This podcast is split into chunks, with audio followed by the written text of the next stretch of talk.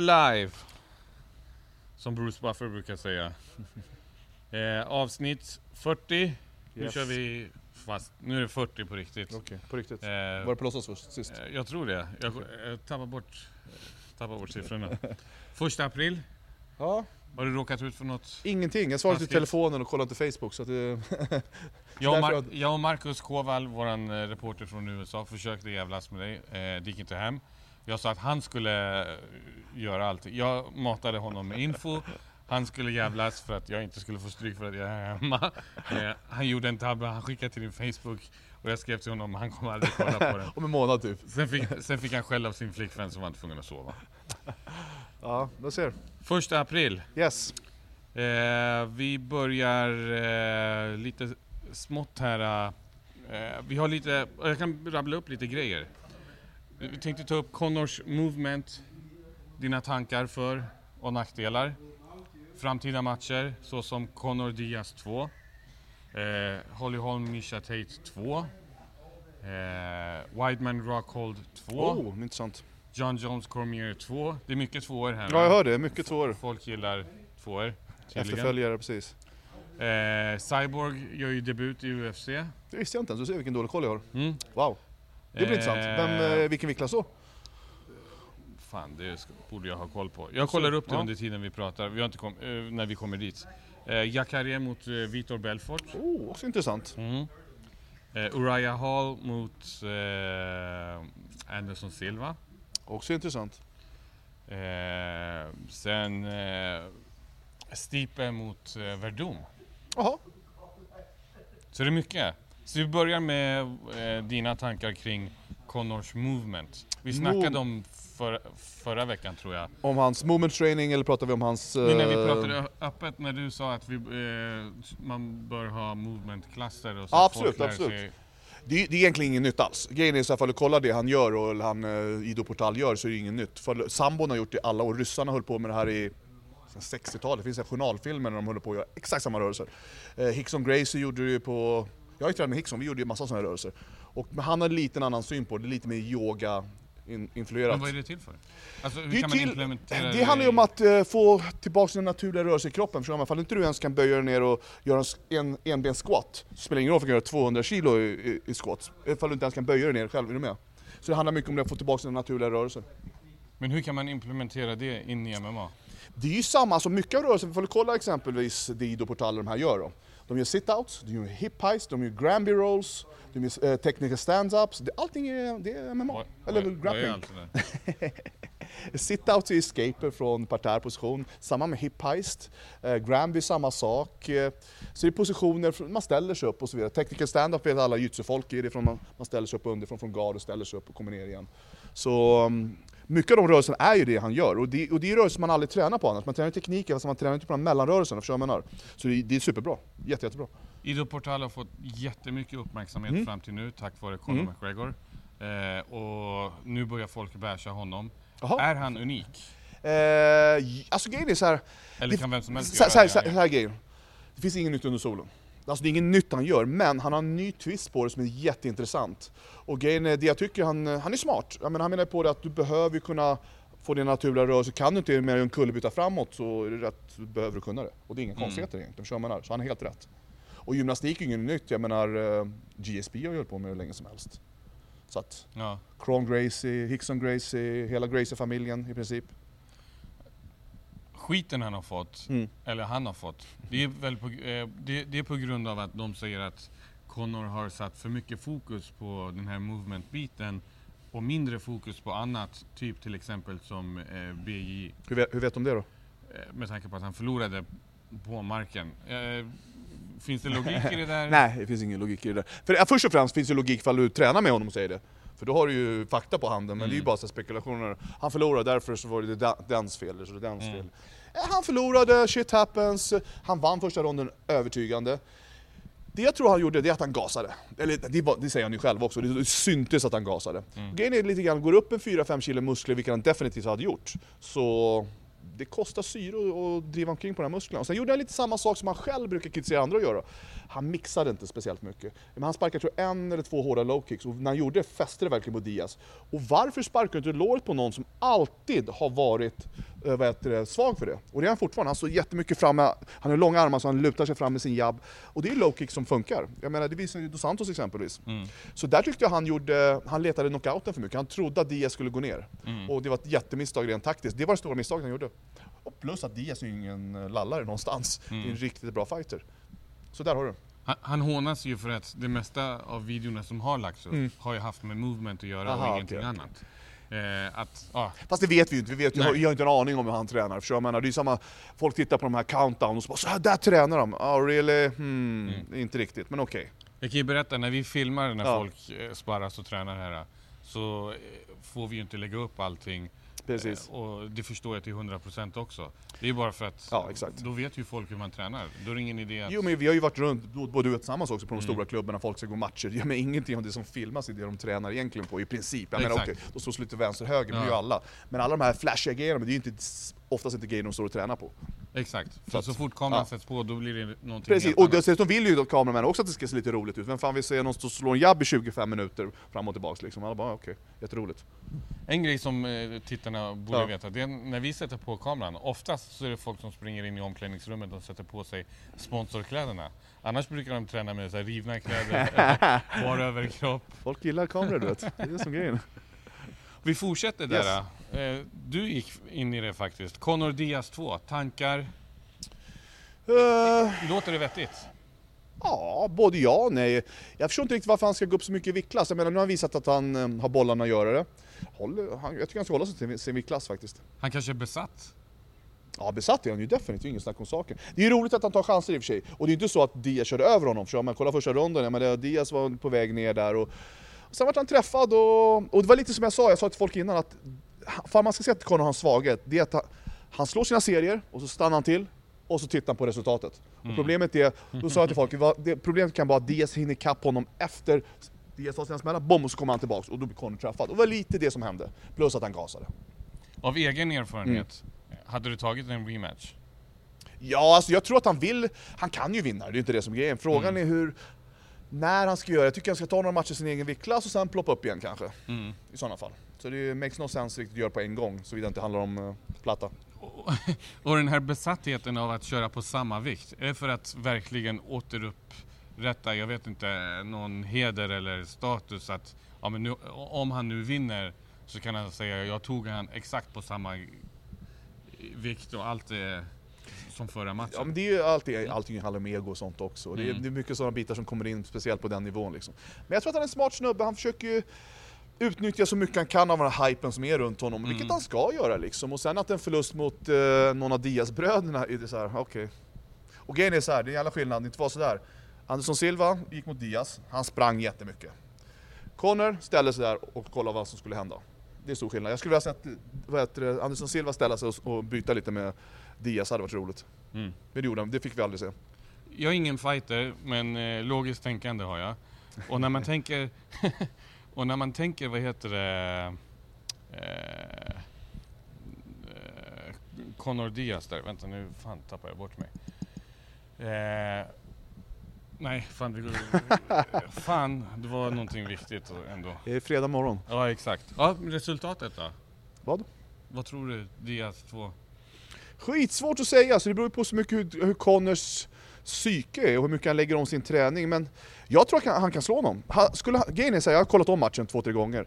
Jag gillar att kolla rent, rent tekniskt. Hade Connor fortsatt efter sina raka vänstra eller bakre handen han slår, föll på med en low kick, precis som man gör i thaiboxning, så hade han träffat varenda gång och det hade saboterat Diaz jabb, vilket hade sett matchbilden sett annorlunda ut. Så, ja, vi får se. Jag tror han kan vinna, definitivt. Som du fick säga första ordet här, vem vinner? Och sen kan du säga, vad var det jag sa efteråt? Eh, jag tror faktiskt eh, Connor kommer ta det. Tror du? Ja, jag tror han har, han har chans att göra det i alla fall. Jag tror, för han lägger om sin träning och börjar spark, mixa lite mer än man gjorde sist, så kan han slå honom definitivt. Men som sagt, Diaz är ingen pushover någonstans. Jag gillar Nej. Diaz bröder, har alltid gjort det. De är, skö, de är sköna lirare. Och sen tror jag att han, det han också inte riktigt hade koll på, så stor Diaz var, han är större än man tror. Och det också ställer också till ett problem. Det är jobbigt att bära en andras vikt och hela den biten. Både så du tror att Connor kommer ha, ha lärt sig Jag av sina hoppas det. Det tror jag, det tror jag. Jag tror inte han är korkad. Men vi säger att han har lärt sig. I sådana fall har ju Diaz Di- också, absolut. Diaz också Problemet är bara att Diaz har, har blivit sparkad varenda match på low kicks och blivit alltid träffad. Du kan gå tillbaka sedan dag ett. Det enda att han har blivit bättre på att kontra därifrån och kan ta lite mer stryk. Men för att kolla Dos matchen, ett perfekt exempel. Mm. Hade Dos Anjos boxats med honom, ja då hade det inte sett ut som det såg ut, eller hur? Så han är ju, för hans boxningsstil bygger mycket på en lång jabb, att rulla in, plocka och rulla framåt igen, Ja. och rulla över vikten över främre benet lite grann för att slå sin jabb. Vilket inte är något fel, problemet är när så fort det är low kick så kan du lätt bli träffad på den. Så att, eh, det är det, man, man ger alltid bort någonting för att tjäna någonting. Så du har Connor som vinnare, Mm. Jag har Diaz som vinnare. Okej, och jag har till och med satt pengar på det. du ser. När är den? Jag måste vinna. 9 juli. Jaha, Så intressant. det är en lång tid kvar. Intressant. Vad som helst kan hända. Ja, precis, precis. Någon skadar sig. Ja, jag, ja, jag, precis. jag tar Återstår att se, ja. Exakt. Däremot tycker jag att han har lite bråttom Conor, han skulle kunna väntat och gjort någon match emellan och sen gått. Mm. Tycker jag. Men ja, ja, det är som det Är man besatt så är man besatt. Precis. Eh, Holly Holm, Misha Tates 2. eh, Mich- eh, Holly Holmes vinner. Tankar kring match 1? Eh, match 1, eh, tycker att Holly Holmes var lite dålig taktik, hade hon. Var lite för, spelat för mycket safe. Och eh, Mish, Misha Tate är ju, hon har vi sett förut, hon, hon är ju en scrapper, hon kan fightas, hon kan hålla ut, hon kan rida stormar och, och hon är ju taktiskt smart, det har vi sett i andra matcher också, när hon har legat under så vinner hon. Så hon gjorde misstag, håller hon. Men jag tror att nästa match så tror inte jag Misha Tate kan göra samma sak. Faktiskt. Så hon har lärt sig en läxa Det, tror- jag, jag också. är helt övertygad om det. I sådana fall, eh, Misha Tate vad har hon lärt sig från första matchen? Jag tror att hon, hon behöver, hon, det känns lite som hon har nått sin nivå på teknik, fall hon inte kanske tar nya tränare och sånt. Hon har sett nästan likadan ut si- sista tiden. Rullar undan från kameran. eh, I princip. Så Ja. att eh, jag tror att hon har nått sin potential och nu har hon verkligen fått titeln. Jag tror inte vi kommer se så mycket nya tekniker från hennes sida, men däremot tror jag att Holly Holmes kommer att komma in med nytt. Okej. Det jag tror. Så om jag har förstått det rätt så ser du att Holly Holm tar tillbaks bältet? Det eller? tror jag. Det tror du? Tror det.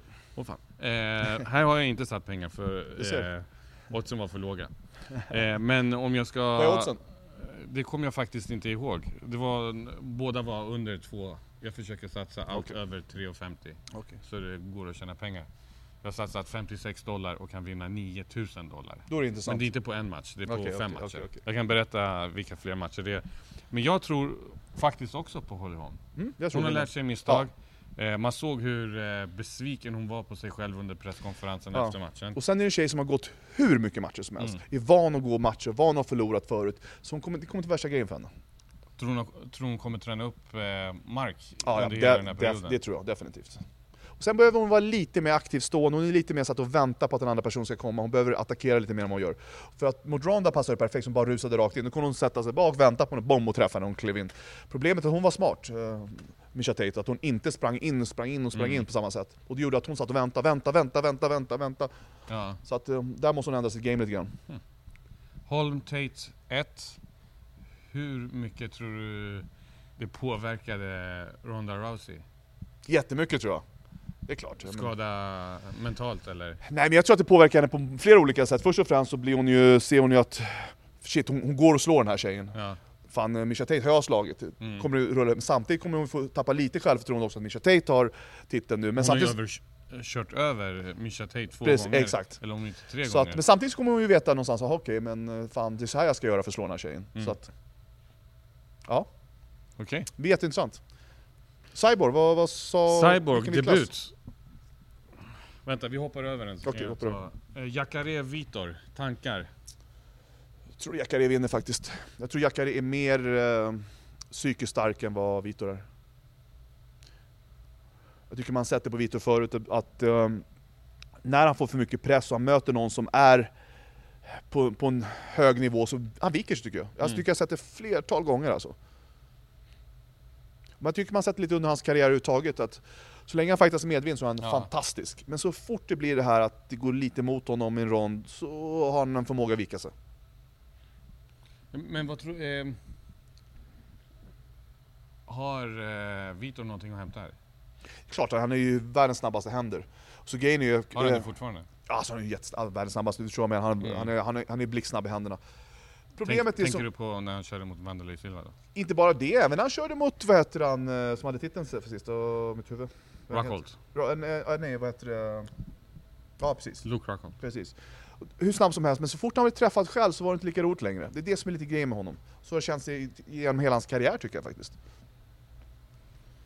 Eh, så vem har du där? V- Vem, eh, alltså om du kör 100% Jag tror att uh, Jacare kommer vinna. utan, alltså typ, vadå? Ja, jag, ser, jag ser inte att Jacare 93 eller förlorar. Ja, nej, inte så mycket, men kanske 60-70 någonstans procent. Mm. Fast han vinner, definitivt. Jag tror det. Han kommer ruscha in, han kommer explodera, han kommer muskla sönder Vitor, Mm. han kommer få ner honom på marken. Så fort han får ner honom på marken så kommer det vara över tror jag. Men om man ruschar in, då, då pa- passar Fast han ruschar in med slag också, det är det som Ja. är, han är ju inte dum, han kan ju fightas också, Ja. han är explosiv så in i helvete. Så att, eh, jag tror inte det heller, det blir också en sån här um, prestigematch för Vitor. Ja. Och Vitor har förmåga att eh, bli lite, um, vika sig när det blir för stora grejer, Mm. känns det som faktiskt. Så fort en titelmatch, har ni tänkt på det? Mm. Så blir det alltid att han, han klarar inte riktigt av det känns som.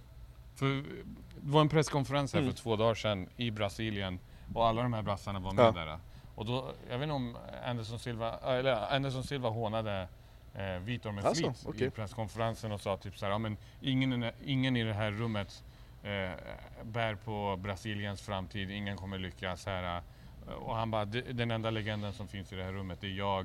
Eh, och så var det någon journalist som frågade, vad, vad säger ni om Anderson Silva och Vitor Belfort 2? Ja, ja. Eh, då svarade Anderson Silva, låt Vitor Belfort vara i fred, han har redan fått smaka på min fot en gång. Eh, och höll på så. Eh, vad tror du om den matchningen? Det är en bättre matchning för Vitor däremot tror jag. För nu har man ju sett att uh, Anderson Silva är inte vad han varit. Och sist så tror jag samma sak där, jag tror att han var nojig för honom. Man såg att han var lite så stressad. Och nu tror jag inte han har, han har rädslan för Anderson Silva längre. Så Mm. att, eh, det där handlar lite om Vitor, känner han sig lite underlägsen på något vis mentalt så brukar han vika sig. Men här tror inte jag han gör det faktiskt. Så Jag tror att han, där skulle vara en bra match. För jag tror Mm. att Vitor kommer gå efter honom faktiskt. När det gäller den matchningen. Men däremot Jacare, är eh, han är legend i Brasilien, folk tror på honom. Det kommer vara mycket snack i Brasilien, vet, folk kommer tro att uh, Jacare Mm. kommer dra ut honom, han kommer säga nej och, du vet, och så kommer det här komma igång och så kommer det börja spinna hans huvud. Ja. Eh, ett ämne vi, jag tänkte ta upp Mm. idag. Eh, Det du berättade nu, den här hypen man har, självförtroendet som försvinner som du sa med Anderson Silva. Mm. Alltså det fan, försvann ju eh, typ över en dag när han förl- förlorade första gången mot eh, Fast jag tyckte man, man började se lite det i slutet av hans karriär. Mycket av det här trixeriet var ju för att köpa sig tid. För att personen han ville ju tajma, lugn och ro, bom, han är jätteduktig Mm. Ja. på det. Så mycket av det här, man såg mer av det här clowneriet, och det är för att bara han bara blir trött, han bara Mm. blir lite äldre, han tränar kanske inte lika hårt. Köpa sig tid. Och sen gick inte Weidman på det, och nu börjar alla inse det är bara slå. Det är bara, Mm. gå inte på den här skiten. Men den här karisman och karaktären Mm. och självförtroendet just sådana här fighters har. Chris, eh, Anderson Silva, Conor McGregor, eh, Ronda Rousey. Mm.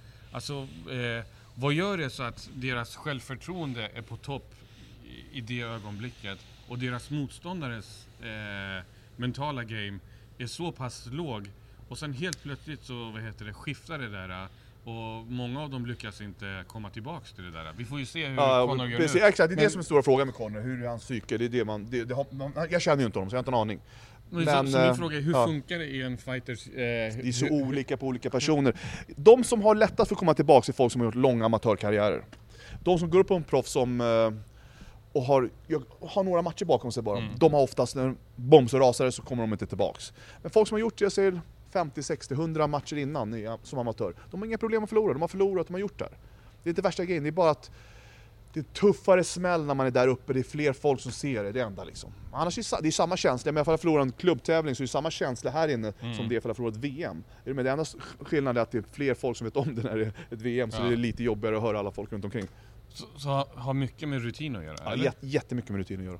Jätte, jättemycket. Det är därför man kollar Holly Holmes, hon var ju besviken men du såg ju inte henne förkrossad. Är du med? Mm. Conor var mer förkrossad än vad, vad heter det, Holly Holmes var. Definitivt. Ja. Det syntes ju rent på kroppsspråket. Men. Ronda Rousey tog ju priset. Hon försvann ju från Ja, där har du ett perfekt exempel, någon som bara bom, bom. Hon trodde för mycket på sin egen myt. Ja. Grejen är så här, det är jättebra självförtroende, jättebra tro på sin egen myt, men du måste ha glimten i ögat och förstå att det är en myt, du är en människa. Och kan du behålla det i huvudet så ja, du, har, du har- kan du ha en lång karriär. Men problemet är att eh, det mänskliga egot har en förmåga att mm, växa sig starkt, snabbt.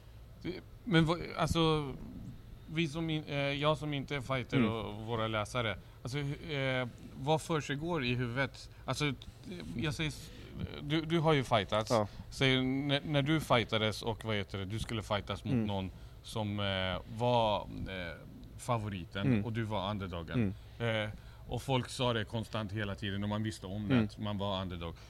Vad, hur pågick det i huvudet? Och motsatsen, hur var Ja. det när du, när du var favoriten och den andra personen var under, Såg man ner på den personen och var man rädd för den andra personen? Grejen är lite såhär, med underdog så tycker alltså alla människor är olika så jag kan bara Mm. prata utifrån mig själv. Ja.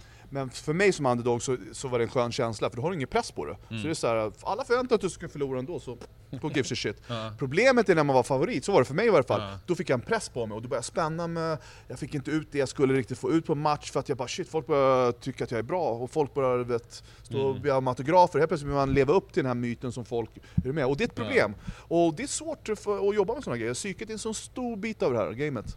Men, men hur gör man då när man är underdog? Må- är, är man rädd för den andra personen? Nej, ja, alltså jag tror de flesta fighters är inte rädda för fightersen, de är rädda, att, de är rädda för själva när det, förödmjukelsen att förlora. Mm. Det är inte själva, de är inte rädda för att oh, shit, jag får stryk. Det är mer Mm. den här vad folket runt omkring dem är nervösa Ja. för. Är du med? Ska Men- de göra en lokal så ska de inte bry sig. för, för när man kollar oddsen Ja. och kollar på papperna och tänker så, ja, men, eh, den här snubben är favorit, Mm. han är underdog.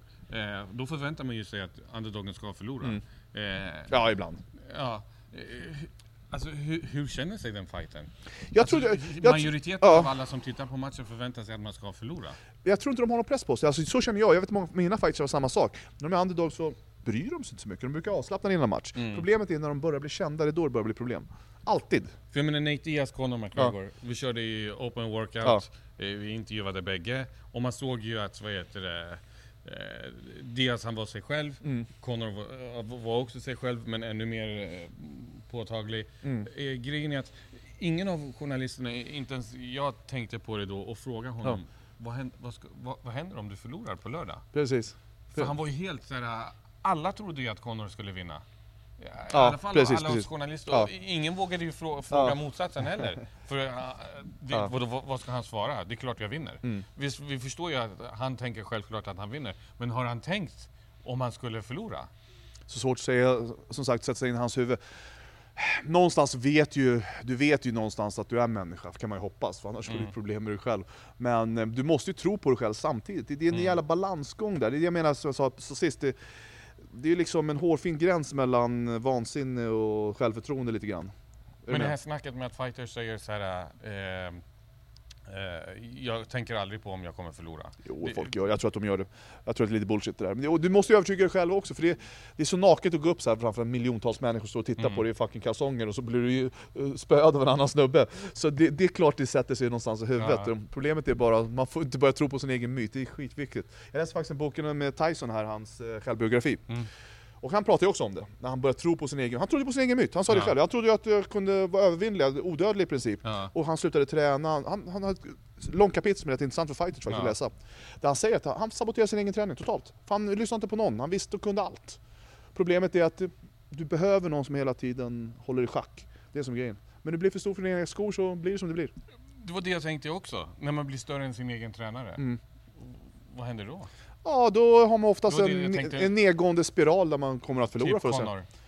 jag, jag har inte en aning vad de har för relation. Nej, så nej kan inte säga. heller. Men när man tänker Mm. på det eh, så känns det, eh, utseende utåt, Ja. så känns det som att, vad heter det, Conor är kungen Mm. medan eh, hans tränare John är mer eh, så här, lite lågmäld Okej. och sen, sen vet man ju inte hur han är när, um, när de är i gymmet. Absolut Men det är viktigt inte. att tränaren bestämmer i gymmet, för gör Mm. han inte det, så det här ser jag hela tiden. Mm. Folk till och med som blir bra undviker att komma på klasser och tränar hellre själva. Och vad tränar de på då? Det de känner sig bekväma på. För Mm. kommer de på mina klasser och jag ser någon som jag vet är på väg, så får de träna på saker de är dåliga på. Och då, det är inte så roligt. Och där krävs att ha den här ödmjukheten och förstå, jag måste bli bättre på alla situationer och inte bli sur och göra sina egna grejer. För det händer jätteofta. Jätte, jätteofta. Så summa av kardemumma, ju kändare man blir, ju mindre ödmjuk blir. Många gånger. Många gånger, därför jag sa att jag, jag tycker, som sagt jag känner inte Anders Silva, men jag, jag, jag retar mig på honom av någon anledning. Ja. Alltså jag har, vet att han kanske är skittrevlig. Ja. Men Jag kommer ihåg när vi var i Vegas, det är en rolig story faktiskt. Kommer ihåg när han hade open workout och vad heter han, eh, Kjell Sonner var där. Ja.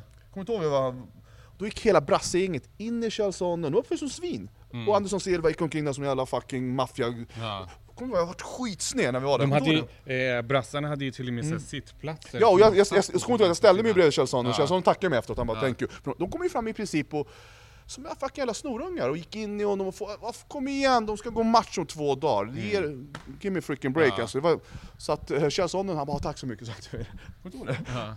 så det var lite roligt.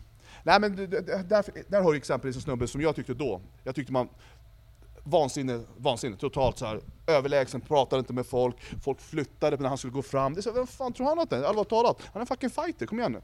Du är inte någon gud, du lugnar ner lite grann nu. Och vanligtvis så brukade man ju, vad heter det, ha media runt omkring Mm. mattan där de eh, Mm. tränade och det är ju, oftast var det ju typ två, tre pers. Ja. Här kom de ju i en hel Ja det var ju typ en armé. hel armé och de Mm. verkligen flyttar på alla andra människor. Ja. Och så vänta här, vem fan tror ni att ni är? Och så bara, wait, Sensei's gonna be here. Really? Wow. Ja, men det, det var men helt... sen var det Steven Seagal. Det var Steven Seagal, men det var både Steven Seagal och eh, de kvar. och Ronaldo, den äldre det. fotbollsspelaren, Ja, satt där var också där. Alltså. Så det var, ju, det var ju bara en Anderson Silva show där liksom. Och han var inte ödmjuk någonstans. Nej. Vi går, Ja, just det, vi, var, var, var den där Steven Seagal ja. Mm, med sina gula solglasögon. Herregud. Herregud vilken lirare. Det var ju han som lärde eh, Anderson Silva hans upkick rakt i Kanske lät honom ansiktet. käka hamburgare kanske.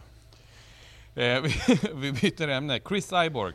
Yes. Eh, tydligen så har hon eh, blivit erbjuden Tate, eh, Rousey och Holm. Oj. Eh, och tydligen så har alla tre tackat nej.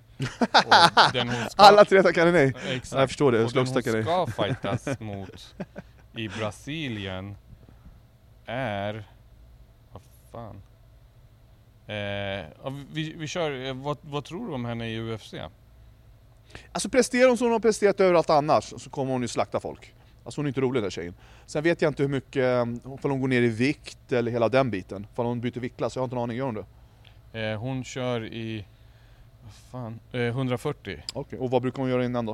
Eh, det är en bra fråga. Ifall det är hennes viktklass, då, då tror jag att hon kommer att slakta.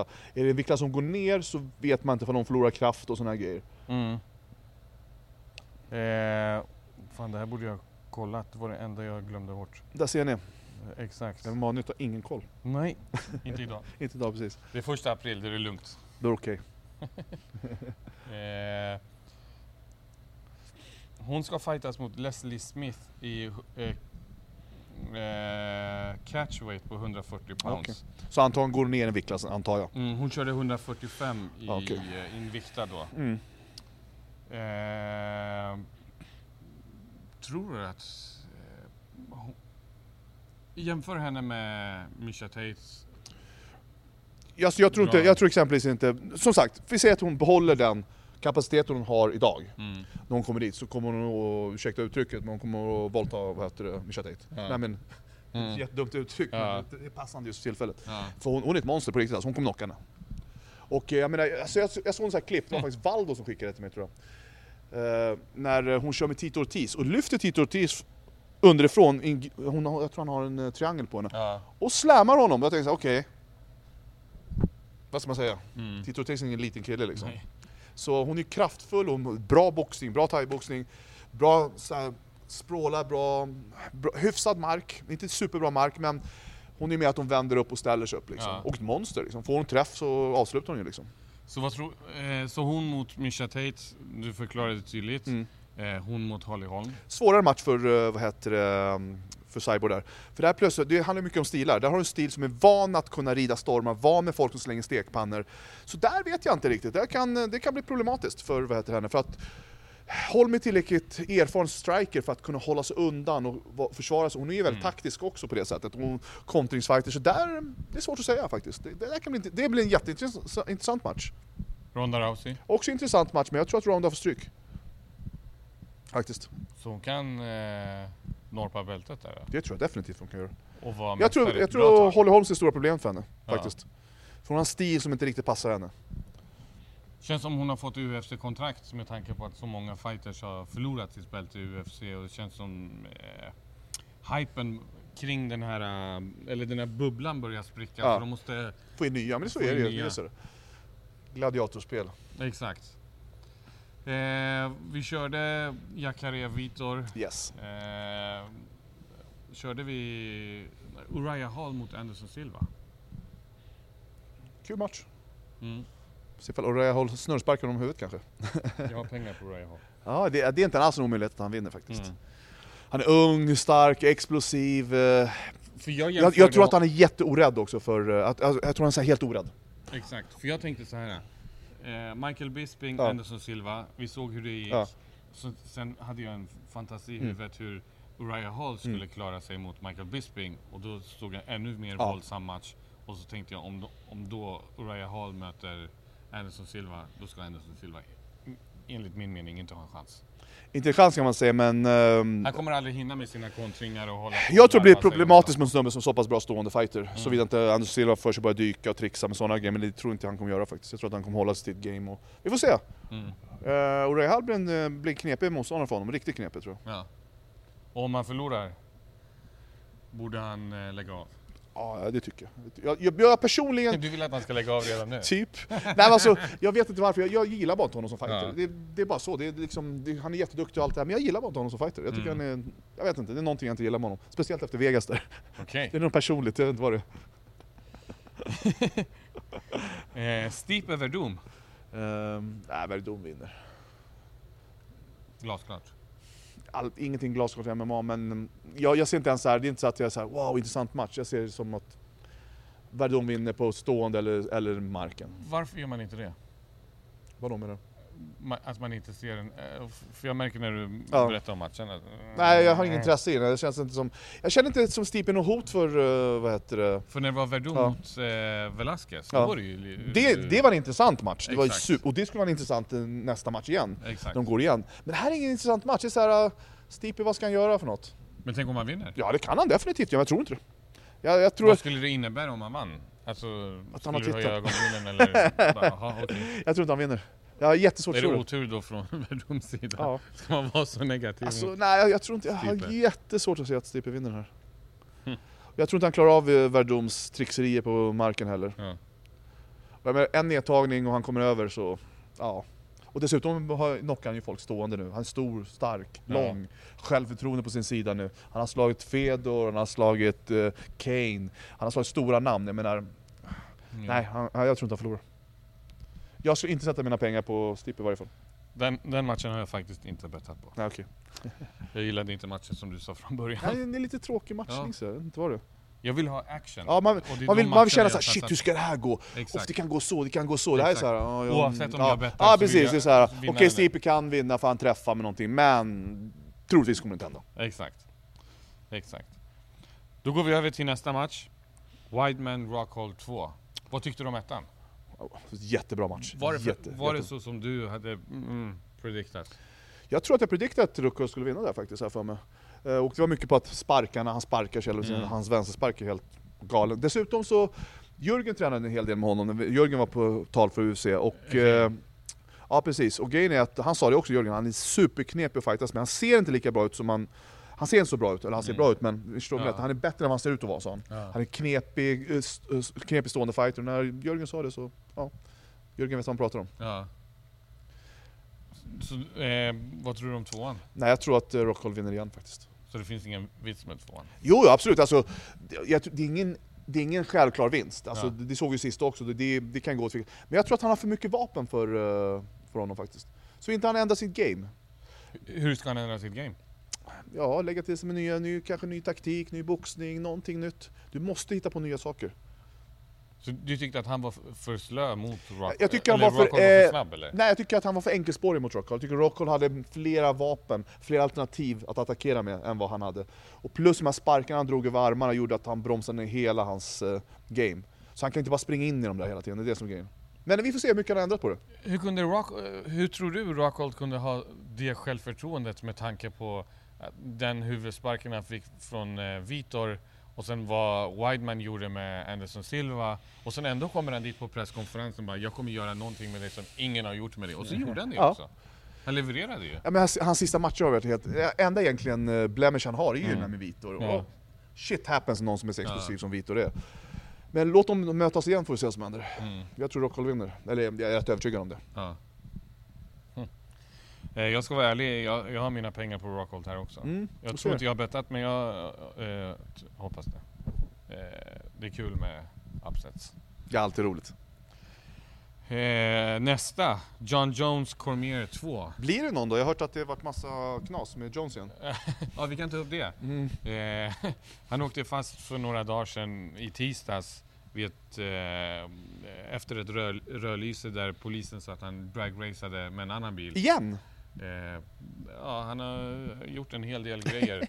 Han verkar inte kunna hålla sig på rätt sida av lagen. Men det verkar vara så att han verkar inte kunna hålla sig rätt, av lagen, eh, rätt sida av lagen med så små skitgrejer Ja, egentligen. eh, Alltså med tanke på att... och, så eh, konstiga grejer då. Ja, alltså om någon erbjöd mig 500 000 dollar Mm. eh, för att, vad heter det, fightas. Ja. Jag hade inte betett mig på det sättet. Nej, Med tanke på jättekonstigt. att eh, han tjänar ju inte pengar på något annat ställe. Det är inte hans sidojobb, det här är hans riktiga... Ja, och det är inte lite pengar heller pratar om heller. Exakt. Och det är ju titelmatch också. Han har ju Mm. chansen här och så... Ja, han verkar... Han verkar jag vet inte om han verkar ta det lätt. Eh, han fick ju fem olika punkt, eh, åtalspunkter I, nu? Ja. Eh, ja, ha igång motorn, eller vad heter det, gasa lite för mycket, Mm. eh, dragracing, eh, eh, vad heter det, registreringsskylten satt inte okej, det Mm. var någon, någonting annat Ja. med bilen. Det ena med det andra, Ja. han hade inte ägarbeviset till bilen på korrekt sätt. Ja. Så han fick eh, böter på böter och så kom han in i, vad heter det, eh, förhandlingarna igår Ja. med handfängslen. Med tanke på det lilla han hade gjort. Och här i Sverige måste du typ ha haft ihjäl någon för att komma in med handfäng handfängslen och orange dräkt. Jag vet inte om de gjorde det för TVs skull. Det var eh, jättemärkligt ju. eh, Om, US, eh, om USA tänker så här, ja men vi ska göra en exempel av Ja, honom. det är Det, lät jätte, det, Det, såg de, de, jättelöjligt alltså. USA, är, så- alltså deras rättssystem är ju inte ett rättssystem, jag vet inte ifall Sverige är så mycket bättre heller, men kanske det. Men USA är, det är katastrof på riktigt Ja. alltså. Jag menar, en del sitter livstid för att de rökt en joint, en del mördar och går fria uppenbart. Så det är så här, så jag vet inte. Mm. Och grejen är så här, menar, okej han körde snabbt, så ge han böter, men vad fan kom igen, i Mm. handfängsel och en orange, han har inte, han inte checkat upp något barn direkt. Med, tanke på de grejerna han gjorde nu i tisdags, Ja. det har ju fått hans övervakare och, tycka, eh, och, och, eh, och, re- och resten av gänget tycker att heter, det, han har gått eh, han har violatat sin probation, alltså Okej. vad heter det, överträtt Ja. eh, det han får göra och inte Mm. får göra.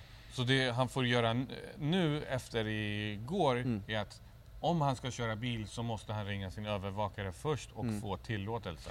Jag har bara lite problem med det här. äh, Okej, du bryter mot lagen. Mm. Låt oss säga att du äh, kör snabbt. Ja. Vad har det att göra med ditt arbete? Är du med? Ska, du, ska inte du få arbeta då? Det här är hans arbete. Låt han arbeta. Vad har det med vad har det ena med det andra att göra? Mm.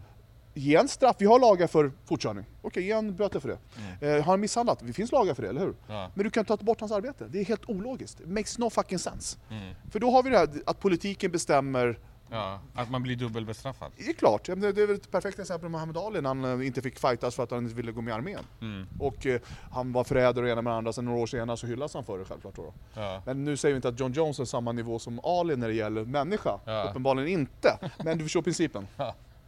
Jag tycker det är märkliga straff de ger för, eh, för vad då? Ja. Är du med? Och vi har ju lagar för de här, du kan inte dubbelbestraffa folk. Det är ungefär, du kör för snabbt där borta, du gör någonting som är fucked up. Okej, det är fucked up, vi sätter dit det. för- Men du kan inte ta bort ditt jobb för det. Nej. Vad har det med saken att göra? Du får inte stå framför kameran. Va? Va? Varför då? Du Nej, för du körde för snabbt. Really? Får jag stå på McDonalds då? Ja, det får jag göra. Hmm. Nej, men, Jag, jag förstår vad du eh, menar. det är jättemärkligt, för mig är det märkligt rent Ja. logiskt. Så jag, jag, vet inte. Han må vara en idiot, men han måste ju utföra sitt yrke. Eller hur? Mm. Såvida inte, jag menar, han gör någonting som har med yrket att göra, men Ja. skallar han eh, Cormier innan på, på en invägning, okej då kan han ta bort bältet för, Ja. för då bryter han ju mot sitt arbete. Men ifall han gör någonting utanför, straffa honom för det, för det finns lagar för det. Ja.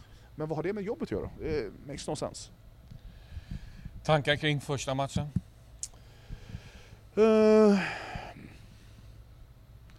John Jones är John Jones, vad ska man säga? Mm. Han lyckas ju alltid göra saker som han säger att han ska. Han sa att han skulle ta ner Cormier, ups, gjorde han det. Han, han är ju världens atlet, det är det som Ja. är grejen. Det är en, det är en superatlet, kanske en av de största atleterna vi har sett i Mm. UFC någonsin. Sen tycker jag hans teknik inte är 100% på alla saker faktiskt. Ja. Han har en hel del brister i sitt game. Eh, och, eh, fast han blir bättre och bättre hela tiden, och nu vet man inte hur det ser ut nu. Men se hur långt han kommer utan att ha perfekt teknik. Ja. Så att, ja. Men tror du han har ändrats under den här tiden? Han har ju blivit av med sitt bälte. Som sagt, samma sak där. Jag tror att han är en rent fightingmässigt och atlet så är han skitsmart. Så jag tror att han har blivit mycket, mycket bättre. Sen som resten verkar vara si och sådär, men Ja. rent träningsmässigt så tror jag att han har blivit Så mycket vad, bättre. vad tror du om returmötet då? Nej, jag tror inte Cormier har så mycket att säga till om faktiskt. Ingenting alls? Jo, det har han. Det såg vi sist också. Han press- pressar, slår bra. Mm. John Jones är för lång, han är för snabb. Och Han använder sin längd för bra.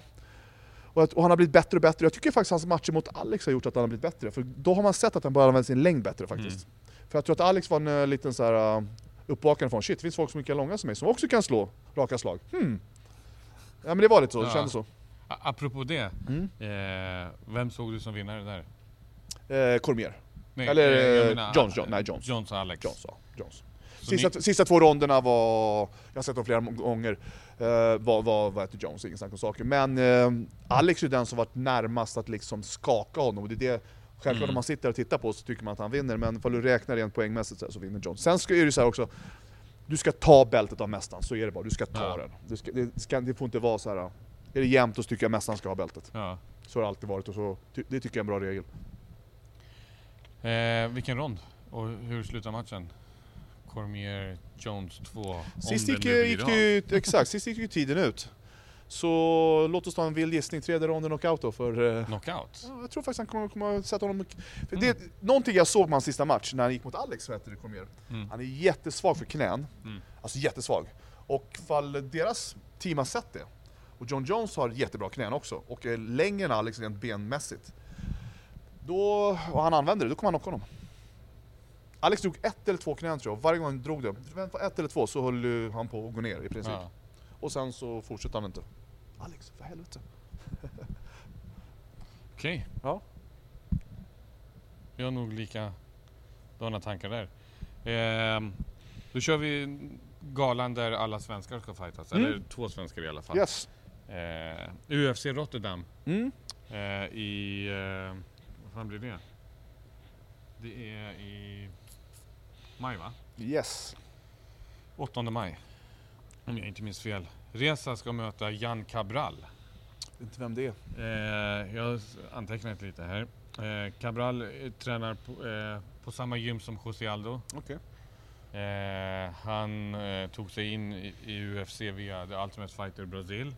Han har till och med fightats på Superior 2009 Jaha. mot Mattias Awad och vunnit. Okej. Eh, så han har kontakter tänkte jag säga. Eh, Vad har han för räck då? 14-2. Okej, Nej, bra. 12-2. 12-2. Okej. 12-2. Mött Eh, några stora namn eller? Nej, nej, inte vad jag kunde anteckna. Okej. Jag ska kolla på honom, jag vet inte vem det är faktiskt. Jag ska kika vem det är. Vad tror du?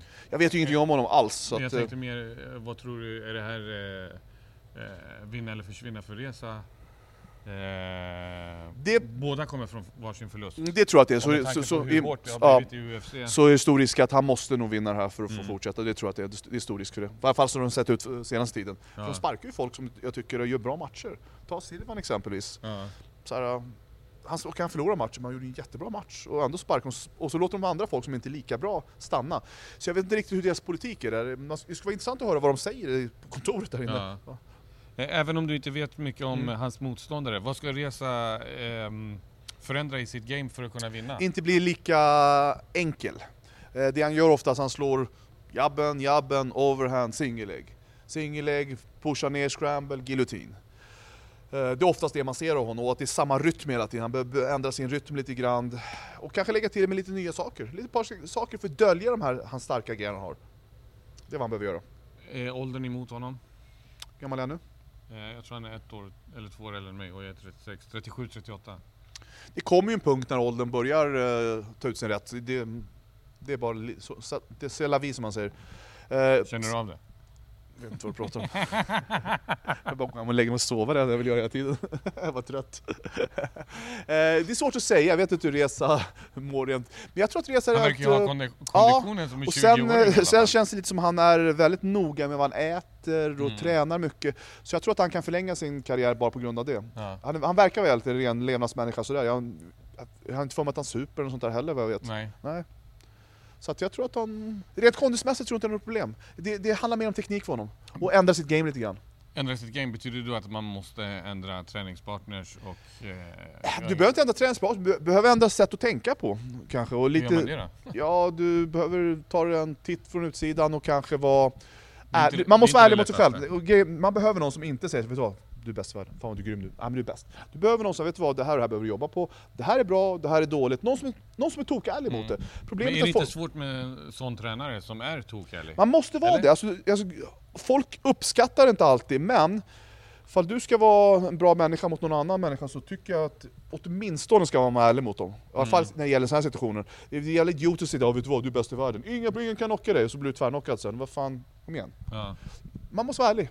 Alltså jag förstår det, Mm. eh, det med att ta eh, konstruktiv kritik. Ja. Alltså om någon skulle ge mig med Mm. mitt arbete. Mm. Jag, jag tar ju till mig och så Mm. försöker jag förbättra mig. Mm. Men när det gäller fighting, jag vet inte, eh, jag som inte är fighter Ja. sätter mig, eh, tänker på ett annat sätt och Mm. säger så här, Fan det är ändå, eh, alltså det är det ultimata eh, och så ska man säga till någon, hörru, eh, inte att man suger men Ja. eh, du måste ändra på det här om du ska ha en chans. Man bara, vem fan är du? Du går inte ens och fight, du fightas ju inte ens. Jo fast det är lika samma sak som om man i alla fall åker spela fotboll, att man i alla fall tränar sig till, vet du vad, dina dribblingar åt höger är inte speciellt bra. Du Mm. dribblar bra åt vänster, höger har dåligt fotarbete, du måste träna fotarbete. Vadå, ska han bli sned på sin tränare och säga att han är en idiot då? Mm. Ja, då blir du ingen Zlatan liksom. Ja. Det är inte så mycket mer med det. Ja. Det är ditt val. Är du med? Du måste ha perfekt teknik på alla saker. Men så här, låt oss säga att du tappar din hand när du slår jabb. Ja, då måste du rätta till det. Du har dålig nivåskift när någon skjuter. Då måste du rätta till det. Du har dålig escape från någon position. Du måste fixa till alla hål. Hur gör tränaren då? Alltså måste tränaren, jag menar fighten måste ju kunna ta kritiken. Och det är inte men, all- men å det- andra sidan, Mm. tränaren måste kunna ge kritiken också. Absolut, och det är inte alltid lätt heller. Och sen blir det ett problem lite grann när du lever kanske på fighten också. Att du har ju, en- har ju en inkomst av honom och då blir det att kanske man vill eh, please him a little bit. Och det är inte bra alls. Man måste någonstans ha Mm. rollerna ordentligt, För tränare, elever. tränare, om du kritiserar Mm. din fighter och eh, han, han kanske inte är på Mm. världens bästa humör, Mm. det kanske blir någon sådär... Mm, det händer. Men grejen är så här, jag, jag tänker vara ärlig mot folk och blir folk sura för det, vet du vad? That's life. Jag, Mm. jag, jag tänker inte ändra mig för att människor inte vill höra sanningen. Ja. Och då får de gå någon annanstans, inte så mycket mer med det. Jag har inte tid med folk som inte kan lyssna. För, för vad är poängen? Ja. Vad är, va- varför ska du träna åt mig? Får jag säga håll upp höger hand? Ja, jag, jag behöver inte, jag kan det. Okej, jag, jag fyller ingen funktion ändå. Ja. Okej, jag kan tjäna pengar på det, men eh, det är inte värt det. Men det är roligare att tjäna pengar på när, om man utvecklar. Ja, alltså jag, jag vet inte ens vad jag vill tjäna pengar på någon som inte vill jobba med mig. För vad, vad är poängen med det? Det finns Ja. ingen poäng med det. Det är så här, visst jag kan tjäna pengar kortsiktigt men lägger min energi på någon annan människa istället, bättre. Mm. Det är min åsikt i alla fall. Okej. Det var mycket om resa där. Mm. Det är bara för att du känner honom. Exakt. Eh, förhoppningsvis kommer vi intervjua honom strax och Mm. ta reda på vad han säger. Mm. Eh, Magnus Jycken Cedenblad Yes. mot sydafrikanen Gareth. Gary, har inte kollat upp honom heller, har ingen koll än. Vad är det för snubbe? Är Han, han ser cool ut, han ser ut som en viking. Eh, jag kan visa, vi, visa Han ser cool ut. Ja, det, är alltid, det är alltid en fördel också hör du. Jag är mer utseende än eh, Gareth. Eh, Hette han C- Pat Garrett? Eh, McLean. McLean. Han. Mm, han såg tuff ut. Mm. Eh, Jag Måste hålla- jag måste hålla med. Han ser riktigt, ja, exakt, han ser ut som en jävla Hur lång? Eh, han är 1,85. 85. Okej, Eh, vilken är längre? 84 kilo, 33 bast. Mm. Eh, han kallas för Soldier Boy och fak- äh, fightas... Vad har han för bakgrund? han har... Om man kollar på det här submission 50%, striking 35, takedowns 15. Well-rounded. Ja, eh, okej. Intressant. Intressant. Eh, eh, vi fick höra att eh, Jycken har åkt till eh, och eh, träna med Greg Jackson, Ja, med Joakim Engberg Jaha. eh, för några dagar sedan. Jag vet inte om han har åkt Mm. eller om han redan har åkt. Okej. Eh, han ska köra sitt camp där. Vad, vad tror du om det och vad tror du om matchningen? Eller Som sagt, jag vet vad inte så ska mycket. han göra för att vinna? Inte han, utan Jycken. Hålla struktur, använda sin långa jabb, sina raka slag. Mm. Eh, han har jättebra giljotin, han är bra i scrambles. Han får inte bli för törstig på att slå knockout och, inte, och hålla sin struktur. Han har förmåga ibland att tappa sin struktur. Håller han sin struktur så är han alltid farlig. tror, eh, vi, eftersom jag är nära i det här Ja. eh, gamet, jag ser ju att han har ju flyttat från gym till Mm. gym några gånger nu. Eh, är det någon, eh, Är, det någon eh, syn på någon svaghet? Att man, eh, jag vet inte, att man inte känner sig hemma någonstans? Eller vad kan, vad kan sån grej bero på? Och Svårt att säga, det, det känns lite som det är ett, eh, ett svenskt symptom lite väldigt mycket faktiskt. Eh, problemet, problemet är när du flyttar runt på olika klubbar.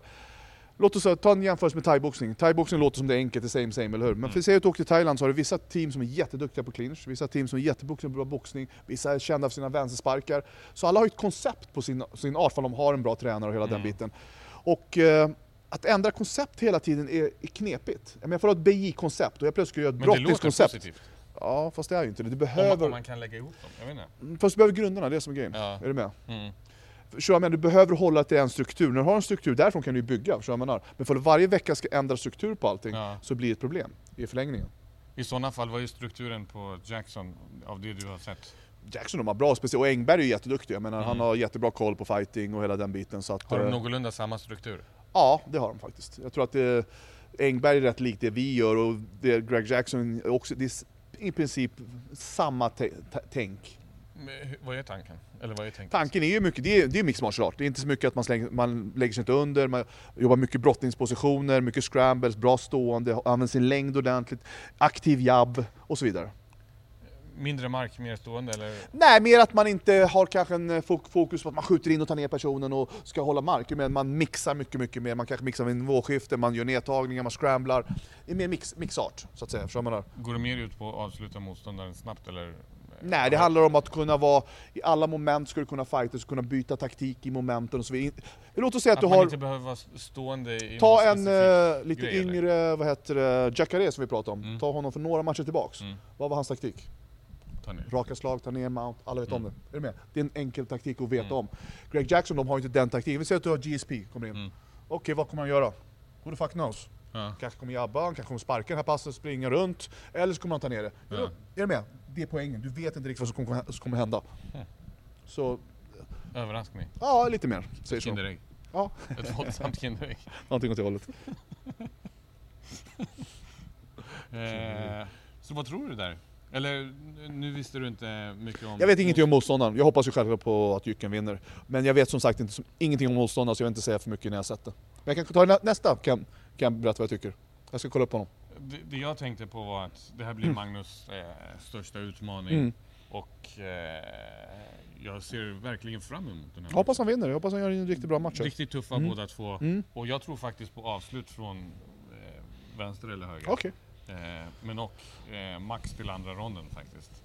Eh, och han Garrett kommer från en eh, knockvinst. Okej. Ja, intressant. Han knockade Baba Bush i andra ronden tror jag. Jag ska kolla upp honom. Eh, sista grejen för idag. Yes. Timing. Timing. Begreppet timing. Vad i helvete är det? Timing, är, timing och reaktion hänger lite ihop i samma sak. Timing är ju att jag försöker läsa din rörelse och få dig att gå in i någonting. Är du med? Låt oss säga att jag fintar dig framåt, jag vet att du ska slå jabben, bom så går jag under min jabb. Det är timing. Jag, jag rycker ut dig, jag, jag, jag har en idé om vad du ska göra och jag tajmar dig på vägen in exempelvis. Det är timing. Jag har ett kast exempel, jag, på, på, jag sätter upp bom och så kommer du pushar tillbaka, pang, så kommer kastet. Det är timing. Är du med? Så jag, jag sätter upp en rörelse, det är svårt att förklara för man inte står och visar specifikt vad det är för tekniker du pratar Det om. låter jättekrångligt. Nej. Alltså, Eller, krångligt alltså, och krångligt. Låt oss säga så här. hur Vi- ska lå- man- låt oss säga att vi fäktas. Ja. Varsitt vapen. Mm. Timing handlar bara timing. Vem, vem träffar först? Oh, bom, Ja. jag träffar först. Timing, jag lurar ut dig. Är du med? Ja. Då är det enkelt att förstå det. Det, det är vad timing handlar om. Är du med? Men hur, Så hur, det handlar inte om man kraft. av, hur, hur fan läser man av folk? Det handlar om Alltså, jag tänkte såhär, läser du fotarbete. fel så får du ju en Ja, smaka rakt det, i that's, ansiktet. that's life man. Typ vad jag, som skulle hända mig om jag skulle... Och du bygger mycket timing, du sätter ju upp saker med finter och så vidare. Jag Ja. menar, för jag går upp högt, så bom så går jag under och slår jabben exempelvis. Det, det är att sätta upp när man börjar tajma honom. Jag vet, jag läser hans rörelse, vad han ska göra och så vidare. Mm. Och det är mycket, du gör mycket övningar för det. Det finns jättemycket övningar för att bygga upp det. Tänkte, timing slash lä- avläsning eller vad Timing slash avläsning slash reaktionsträning. Mm. Det hänger lite ihop med varandra. Jag, jag tror jag började koll, eh, eh, kolla på folks Mm. eh, sådana där specifika Mm. grejer efter att ha umgåtts med dig i flera Mm. år. Eh, och en person specifikt som jag börjat, eller har kollat Mm. i några år nu, det är Sadibo. Mm. Eh, på sättet han läser av eh, Han är grym på det. sin motståndare. Precis. Boxning brukar kallar man bra öga. Mm. Och det är ju att man kan läsa mot, man kan se, förstå, det, och det, det är det man kallar uh, fighting-intelligens. Och många Mm. gånger det är någonting naturligt och kommer, Ja. kommer självklart ha mycket rutin. Men timing och reflexer och sånt är mycket träning, att, att ligger träning Ja. bakom det. För, Men däremot att läsa av en motståndare är väldigt mycket egen kroppsintelligens och hela den biten. för det jag tänkte på just med Sadibou, det var Mm. hans, eh, inte senaste match, Mm. men eh, matchen han gick på Irfa. Ja. Det var mot den här eh, lite kortare Ja. satta killen. Eh, hade ganska långa armar. Mm. Eh, för mig kändes det som typ såhär, snubbens armbåge gick Ja, det var helt sjukt långa armar. Ja. Eh, det fanns ingen chans för Sadibou att komma Mm. in där. Och ändå lyckades han hela tiden pricka hans Mm. revben. Alltså man såg ju till slut, vad heter det, Sadibous tåavtryck. i- Jo men där har du ett perfekt exempel. revben. Han sätter upp honom med jabben, han får honom att resa på sin arm och så börjar han se luckan och så rycker han honom, så pang så tajmar han honom nästa gång han lyfter upp armen. Det är timing, reflexer och läsa av, allting hänger lite ihop. Men i sådana fall, Sadibou läste av honom. Han sparkade en gång, Mm. två gånger, tre gånger, fyra gånger. Mm. Jag tror han sparkade honom typ Mm. 10-15 gånger. Men eh, som fighter, fattar inte du efter första gången, ja men nu har han... Fast grejen är Eller, så här, jag det, det är lite Okej, som en... inte första gången Ja. kanske var överdrivet, Ja. men efter tredje gången, fan han träffar ju varje gång jag drar upp handen. Ja. Kanske ska ändra taktik. Men då, då hade säkert Sadibou läst av någonting som, låt oss säga, många har en reflex, bom, bom, nu gör sån här rörelse, bom, bom, nu släpper exempelvis. Mm. Jag menar, ifall du har det som en reflex, den här rörelsen, du har tränat in det som en dålig, dålig Mm. vana, Ja. så kan jag tajma det, när jag väl har hittat den här rörelsen hos dig, då kommer jag tajma det varje gång. Typ hela Ja. matchen. Tills du har gjort av med den vanan. Så att det handlar ju också om att, det är därför dina tekniker måste vara perfekta, för att då har du inte lika mycket luckor att ge den andra. Är du med? Hur viktig är timing i en fight? Nej, nästan det viktigaste. För Eller bara timing, tjurskallig och nej, bara för ti- nej, timing är absolut det viktigaste. För timing behövs inte styrka och inte explosion och inte hastighet egentligen. Det handlar om att läsa av den andra och precis pricka honom på väg in, eller svepa honom, eller kasta honom vad du nu ska göra för något. Vad är det man säger? Timing beats precision? Ja, alltid. Vi, vi slår allt i princip. Jag menar, du har folk som har superbra timing, de har en bra höger, och så bara var den går, bom sitter den. Och så, ah, okej, oj. Det är ju det egentligen. Mm. Alltså det räcker ju med en, ett slag. Precis, du har ju, du har ju brottare som vinner OS flera år i rad, som har kanske en singellägg, en double-lägg, men de har så jävla bra timing och känsla för det. Så det spelar ingen roll att du vet om det. Ja. Kevin Jackson är ett perfekt exempel, han OS, hade en double leg. Alla visste om att han skulle göra double leg. Han var så jävla bra på att sätta upp sina double leg och tajma in dem. Bom, så kom han undan. Och han vann med samma teknik om och match efter match. Och då säger man, "Åh, men borde inte folk lära sig? Problemet är att snubben är så bra på sin teknik, så därför är det svårt att göra någonting. Det var det jag tänkte. Mm. Borde man inte lära sig? Folk är, när folk är riktigt experter på ett ämne. Men hur funkar det? För det man ser att när eh, två fighter i en hel rond står och avvaktar Mm. och läser varandra. Eh, är det att de läser varandra eller är det på att båda väntar på att den andra ska Det kan vara både och, det kan vara att båda två är kontringsfighter. Sen kan det vara att man läser av varandra, man får inga luckor, så blir det lite att båda två står och väntar på varandra. Och det har man ju sett. Mm. Speciellt två bra fighters, ibland kan det bli lite tråkigt för att båda och väntar och väntar och väntar och hittar en lucka, ingen hittar någon lucka på varandra, så det blir inget uträttat. Så någon måste ju chansa lite grann också. Så att, Är det där då det brister från att ja, precis, och det precis, till exakt. att eh, Ja, och typ ibland så måste riskera du- allting? Ibland måste du riskera, det är så. Möter någon så mycket som du inte kan läsa av, du kan inte få in något, då måste du bara chansa. Det, det är det som är faran med fighting. Okej, om du drar två exempel då. Någon som är helt värdelös på att läsa av och timing och någon som är, som du tycker är, är gudfadern av timing. Ja men alltså för att säga timingmässigt, för att säga MMA så är det ingen snack om saken. Det är ju vad heter det, vår vän Machida, det är ingen snack om saken. Där har du ett perfekt exempel, bara timing. Han Mm. fightas ju bara på det. det. Kolla ni som har, eh, gillar Machida, kolla när han slår plattor. Det är alltså inte bara sådär, det är inte speciellt hårt. Det är inte speciellt hårt, för jämfört med en bra Mm. boxare i samma Jag har vikt. sett honom slå plattor. Exakt, det är inte speciellt hårt, eller hur? Mm. Men vad är det som gör att han träffar och, får, och han tajmar folk på väg in, blopp! Bom så går de ner. Så det behövs inte så mycket kraft för att ha bra timing. Så Machida har ett perfekt exempel. Eh, dåligt exempel. Dåligt exempel har vi våran vän, vad heter det, Liben. jag. Jättedålig. Ja, ja. Precis. Alltså, jag Ånglo- gillar Liben som person, och han är fett tuff. Ja. Så. Problemet är bara, du har en kort karriär när du har den fighting-stilen, Mm. för du får för mycket stryk. That's it. Så om eh, Mashida är 10, Ja. Chris Lieben är 0, eller kanske minus. ja. Ja. Anderson Silva har ju bra timing också, han har bara timing tycker jag egentligen. Vart skulle du sätta dig själv? Mig själv? Ja. Jag tävlar inte längre så att, men jag, jag jobbar jättemycket med timing. Alltså, jag kommer ju från karate, taekwondo, det handlar ju mycket... Alla som kommer från poängsporter är vana, förstår konceptet av timing, så många gånger så är det bra att komma från något sånt för att förstå överformen så att det inte blir att ja, nu ska jag upp i MMA, nu ska jag slåss. Mm. Nej, du ska plocka dina poäng, du ska plocka, du ska träffa, du ska flytta på dig. Är med? Mm. Och det bygger mer taktik vad man kommer från var poängsport. Mm. Så, det, så jag gillar att när folk tävlar, har tävlat i någon form av poängsport, för då har de lätt att förstå det här med att pricka, ta sig ut, förstå hur man plockar en poäng. Medan många folk som bara ser MMA, jag ska lära mig fighters, bygger mycket muskler, gör tatueringar och så ska man in och slåss. Ah, Det blir en kortvark, eh, kort karriär bara. Är det lätt att lära Corner. ut timing? Connor, jättebra timing exempelvis. Diaz också för den delen.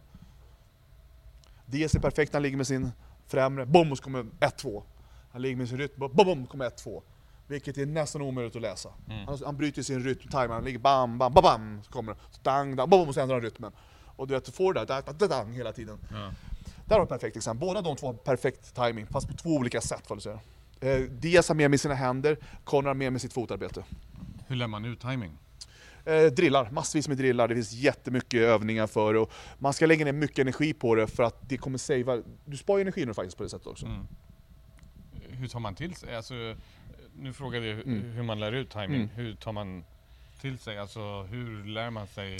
Du gör ju specifik... Måste man få stryk Nej nej, du, det, är spe, det är specifika övningar du jobbar på. Låt oss säga att vi ska... Vilka, Vilken- grej, vilka grejer är det man läser av? Förlåt att jag avbröt. Eh, vilka grejer är det man läser av? Är det typ eh, höften? Avstånd, Eh, först, avstånd är nummer ett, först och Mm. främst. Jag måste kont- kunna Distansen. kontrollera avstånd. Ja. För det här är mitt dansspace. Så Ja. fort du kommer in i mitt dansspace, bom, då kommer jag träffa dig med. Jag Mm. läser mitt dansspace, det här är mitt space. Mm. Så fort du kommer innanför, jag håller det avståndet, bom, Ja. då möter jag dig och tajmar dig när du kommer in i mitt space. Och så går jag ut från mitt space och återtar mitt space igen. Är du med? Har vi Mm. pratat slagmässigt.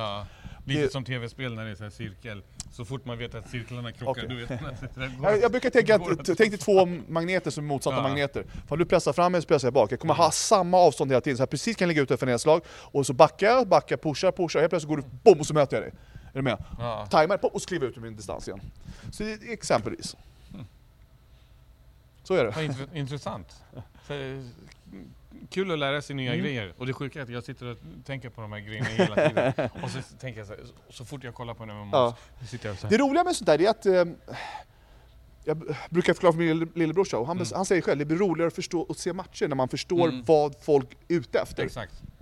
För annars kan man ju kolla på krogslagsmål egentligen. Ja. Inget illa men Jag förstår vad du eh, menar. det blir så en helt För många annan... gånger så ser folk, så här, de ser Mashida, de ser att det är något speciellt han gör. Ja. Men de kan inte sätta fingret på det. Nej, det är exakt. så här, fan, åh, det är fantastiskt, kommer, man träffar honom, de träffar honom. Men det är Mm. timing, timing. Och års av träning på att ligga och rycka, pumtajma folk.